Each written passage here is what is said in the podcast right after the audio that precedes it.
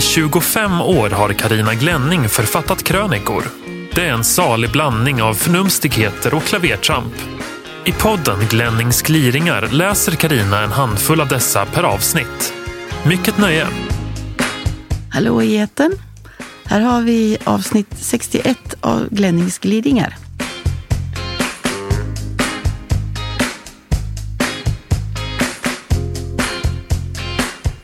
Allt jag ser är matrester. Det är lite läskigt att vara mig just nu, som att tassa fram på minerad mark. Snart kan jag inte bärga mig längre utan gör verklighet av min innersta önskan, uttalar det jag hittills bara har tänkt, knackar bordsgrannen på restaurangen på axeln och säger Mata, mata, mata. Hela mitt vuxna liv har handlat om att mata såväl folk som fä. Jag, som alltid stoltserat med att inte vara någon mesig curlingmamma, får av gubben höra att det är jag, visste, åtminstone när det gäller mat. Så fort jag kommer åt skickar jag med dem mat, även sedan de flyttat hemifrån. Färdiga pytsar och hemmagjord müsli och marmelad och allt möjligt. Jag skyller på att båda föddes tio veckor för tidigt och vägde 1045 kontra 1375 gram när de kom till världen. Som små ynkliga fågelungar var de, med skallar små som äpplen och lår med samma omkrets som min tumme. Många månader på sjukhusets neonatalavdelning blev det. Klart att man gör allt för att sådana små skruttar ska få mat i sig så att de växer och blir stora och starka. Dottern var visserligen i fatt, fatt viktmässigt redan när hon fyllde sex månader, men jag fortsätter att trycka i henne mat ännu 23 år senare. Det går liksom av bara farten. Så fort jag ser de numera vuxna utflugna ungarna tänker jag att jag måste stoppa mat i dem så att de inte dör. Men just nu är mitt fokus inte folk utan fä. Saken är den att vi har skaffat höns. Fem Bertor och en Bert som alla älskar rester och mycket hellre äter skulor än hönsfoder. De är som små kompostkvarnar. Allt tuggar de i sig. Blomkålsblast, brödkanter, gurksnuttar, kött, fisk, pasta, bär, gorgonzola. Allt utom råa potatisskal, choklad och avokado. Får de vattenmelon blir de rent euforiska. Vi ger dem rester och får de mest ljuvliga ägg tillbaka med en gula så gul av gräset de betar att folk tror man haft saffran eller gurkmeja i omeletten. Förlåt Tekniska verken som fram till nu gjort biogas av våra matrester. Men vår gröna påse gapar oftast tom numera. Men det bästa är inte äggen. Det bästa är tillfredsställelsen över att inte kasta en endaste liten matrest. Att vi i det här landet slänger nära hälften av all mat som produceras gör mig tjutfärdig. Föda upp djur för att sedan slakta dem och därefter slänga köttet. Det är för vidrigt. Nu undrar jag om jag ska våga prata med mina närmsta mathandlare om att kanske få lite bröd och lite frukt och grönt. Sånt som har lite skavanker och ändå slängs. Jag ser rester, det vill säga ägg, precis överallt. Blir det en bulle över på jobbet rycker jag reptilsnabbt åt mig den. Snart står jag väl i personalmatsalens kök och vädjar om att få skrapa ur kollegornas bytsar innan de diskas. På en restaurang nyligen bad jag om att få sällskapets rester med mig, med mig i en doggybag. Servitrisen såg lite obekväm ut men kom rådnande ut med en fem liters glasslåda som våra ynkliga rester skramlade omkring i. Det var jag då jag bestämde mig för att ha en liten plastpåse till hands i handväskan hädanefter. Man vet aldrig när nästa rest kommer i ens väg. När jag sneglade mot grannbordet på restaurangen såg jag att två barn lämnat massor av pannkaka. I min besatta hjärna byttes resterna ut mot gyllenbruna ägg. Jag hade fullt sjå att tygla min lust att tigga om pannkaksresterna. Vilken dag som helst brister det. Jag knackar bordsgrannen som inte ätit upp allt på axeln och säger lite frejdigt och okonstlat tjenare, trevlig restaurang det här med rejäla portioner. Man blir ordentligt mätt och orkar inte alltid allt. Är det okej okay om jag skruppar ner dina rester i den här påsen och tar hem någon till mina höns? Snälla du. Nerskiten krönikörska. Jag älskar ju papperstidningen och sen jag hittat ännu ett användningsområde har kärleken ökat. Ju fler sidor desto bättre och gärna svulstiga reklambilagor i extra tjockt papper. Husorganet korren gör sig väldigt bra under halmen på våra nya invånares avträdeshylla. Höns skiter mest nattetid när de sitter på sina pinnar högt under tak. För att slippa att de vandrar omkring i skiten under dagtid har vi en avträdeshylla under pinnarna där all skit samlas. Korren och ett tunt lager halm ger en perfekt uppsugning. Nu blir det visserligen inga tidningar till returcontainern, men det känns bra med ett eget litet kretslopp här hemma. Jag skriver i tidningen, får lön för det. Tidningen används hos hönsen som i sin tur ger oss ägg. Tanken med hönsen var ju att det skulle bli mina och gubbens kärleksbarn. Ett trevligt litet hemmaprojekt att enas kring. Lite liv och rörelse på gården nu när ungarna flyttat. Ja, ni fattar. Självklart var gubben emot hela idén. Han är ju på ytan rätt mycket av grumpy old men och hans instinktiva reaktion på de flesta nya påfund är sålunda nej. Precis som han i början var emot att bo på landet och emot införskaffandet av katterna Assar och Alice. Men man får ha tålamod och invänta att gubben inser att jag är bättre på att förutspå vad som är bra för honom än vad han själv är. Dessvärre har kärleksbarnen lett till en del gnissel mellan oss. Som jag skrev förra veckan ser jag och gubben numera matrester överallt och det skär i hjärtat att så mycket prima mat slängs. Rester som ju kan bli hönsmat istället. Frejdigt har jag förklarat för våra grannar att jag inte alls misstycker om de lägger matrester i vår brevlåda och för mina kollegor att lite matrester i mitt postfack skulle uppskattas. Men gubben vill gå ännu längre och skickade med mig en glassbytta med lappen hönsmat över hela locket att placera intill den kyl där kollegorna förvarar sina matpytsar för att mer aktivt se till att alla rakar ned sina rester där. Men jag tog aldrig med den in på jobbet och det var fegt, tycker gubben. Saken är den att många företag är med och delar på kylen i fikarummet. Intill kylen finns noggranna instruktioner om hur kylens hygienregler ser ut. Inga plastpåsar i, omärkta pytsar slängs fredag klockan 16 etc. Ponera nu att det ligger en massa hönsmat i den där glassbyttan. Runt omkring den och i mitt postfack när jag är ledig några dagar. Rester i rumstemperatur. I förlängningen beger sig stadens gnagare i ett långt och ludet lämmeltåg till mediehuset. Sedan ryktet gått om att här finns finfina matrester, lätt åtkomliga. Råttor feta som huskatter ses ta snurrentrén in till fiket på nedre botten för att sedan med svansarna klatschande i trappan fortsätta till mitt postfack en våning upp. Krönikörskan börjar betraktas som en nedsmuttningsfaktor och en dag blir hon inkallad till högsta chefen. Du har jobbat här länge, Karina, men nu går det inte längre. Vi kan inte ha dig kvar här. Härmed säger jag upp dig med hänvisning till att du är en sanitär olägenhet. Avgångsvederlag blir det inget, men jag är ingen hjärtlös människa. Du ska få kökets skulor hemskickade under ett halvår. Se så, schas iväg. Och du, hälsa hönsen. Hur smakar mördarsnigel? Jag brottas med en svår kulinarisk fråga, nämligen hur smakar egentligen mördarsnigel? Nej, jag larvar mig inte alls. Det här är blodigt allvar, eller åtminstone slemmigt allvar. Mördarsnigeln är ett stort problem hos oss som hos så många andra. Jag har bekämpat dem på olika vis, ömt i början och som en lustmöderska på slutet. Första året plockade jag dem försiktigt med en grilltång och frös in dem eftersom jag hade hört att det skulle vara det mest skonsamma sättet att taga dem av dagar på.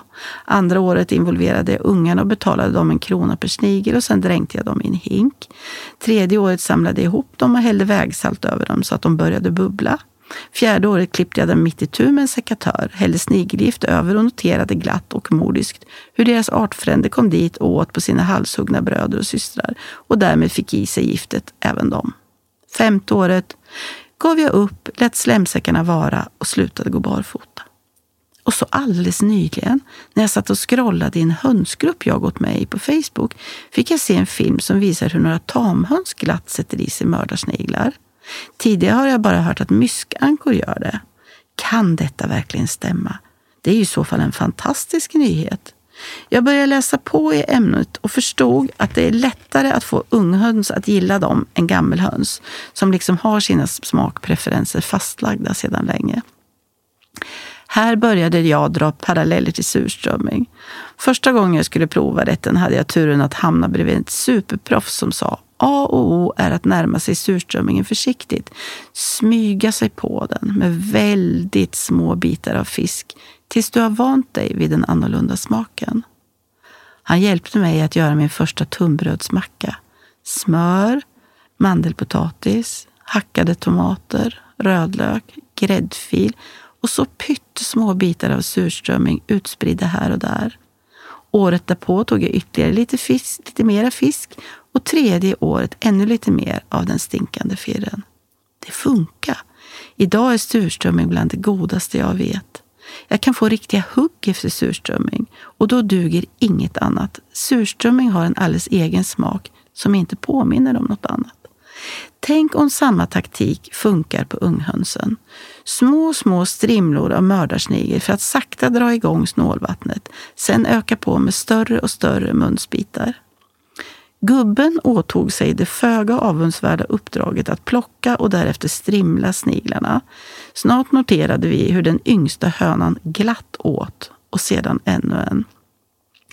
Ägg tar smak av hönans föda. Så nu är den stora frågan, hur smakar egentligen en mördarsnigel och vill vi att våra ägg ska ha en touch av spansk skogssnigel över sig?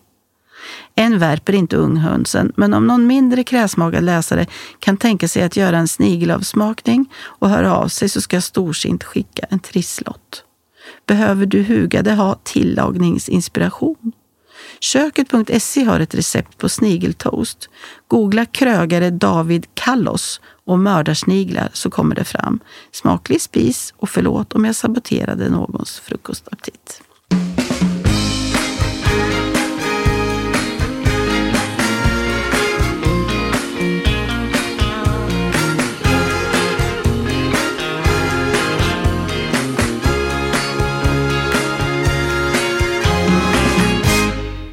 Alla ska jobba i äldrevården. Det pratas om ett återinförande av allmän värnplikt. Jag tycker att allmän äldrevårdsplikt brådskar mer. Alla svenska medborgare ska tvingas arbeta inom äldreomsorgen under minst tre månader av sitt yrkesverksamma liv. Äldrevårdsplikten ska utföras innan den egna pensionsåldern infinner sig och äga rum inom hemtjänsten eller på ett vårdboende. Hög som låg omfattas. Ingen slipper undan.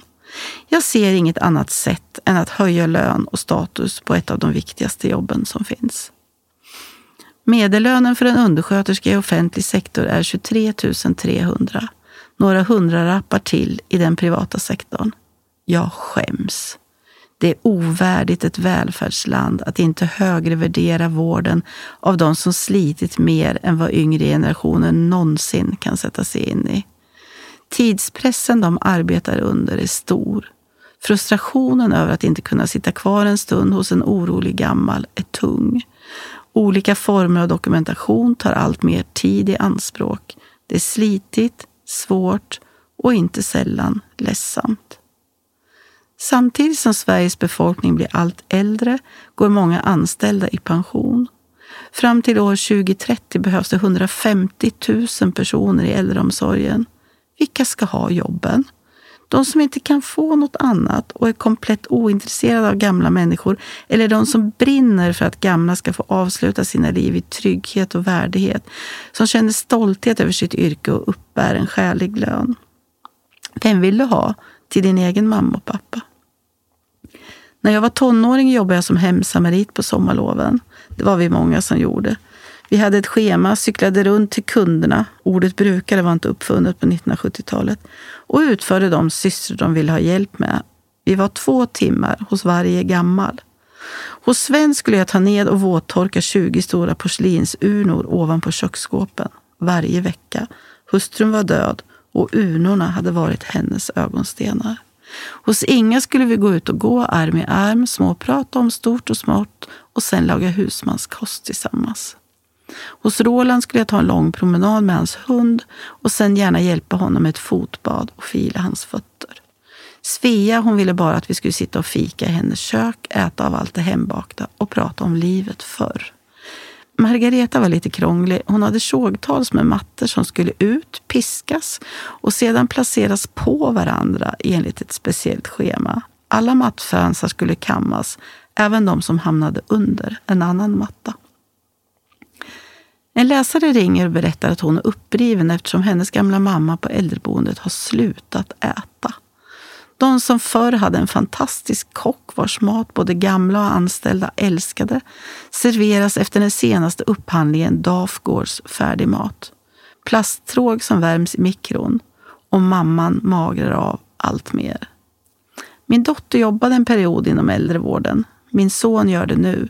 Han har flera jobb efter gymnasiet, men inget där han känt sig så behövd och så efterlängtad, så betydelsefull. Det gör mig stolt.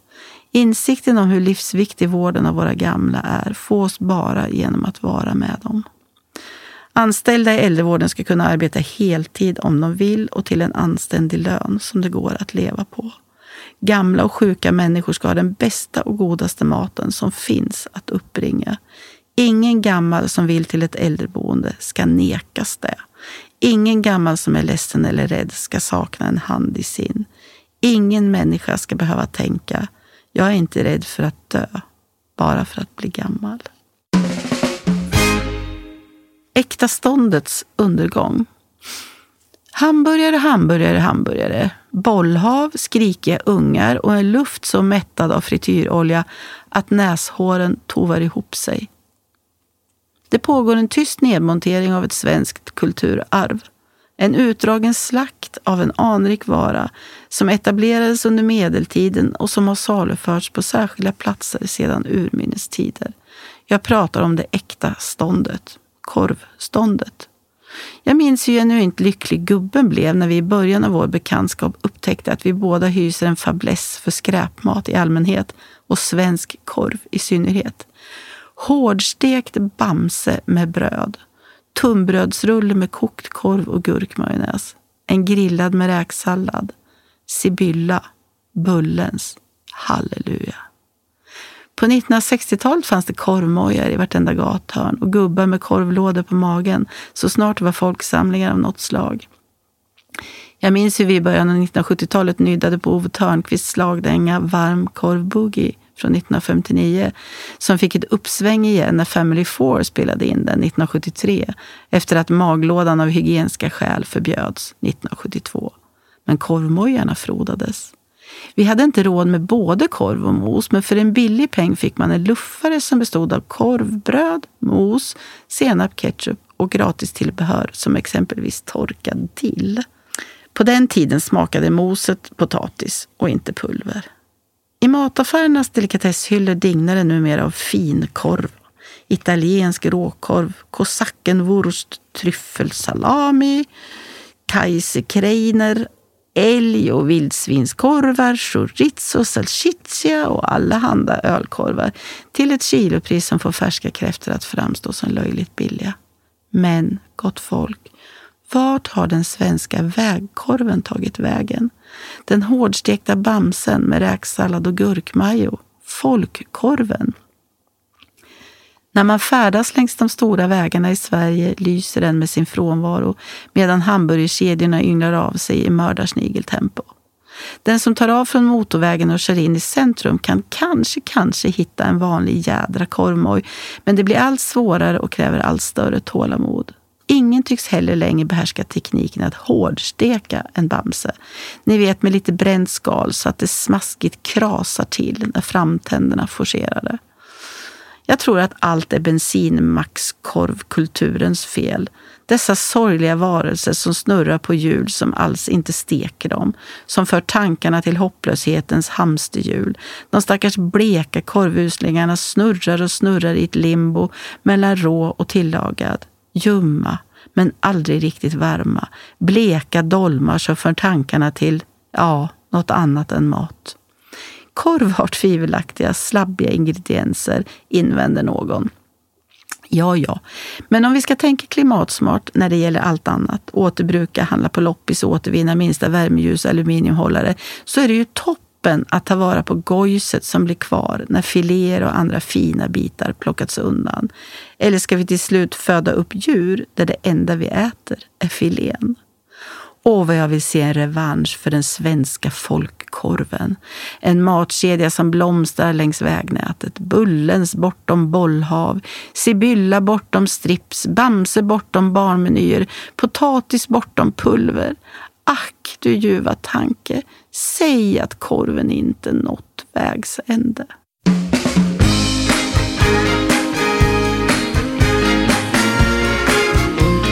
Du har lyssnat på Glennings gliringar. Ansvarig utgivare, Christer Kustvik.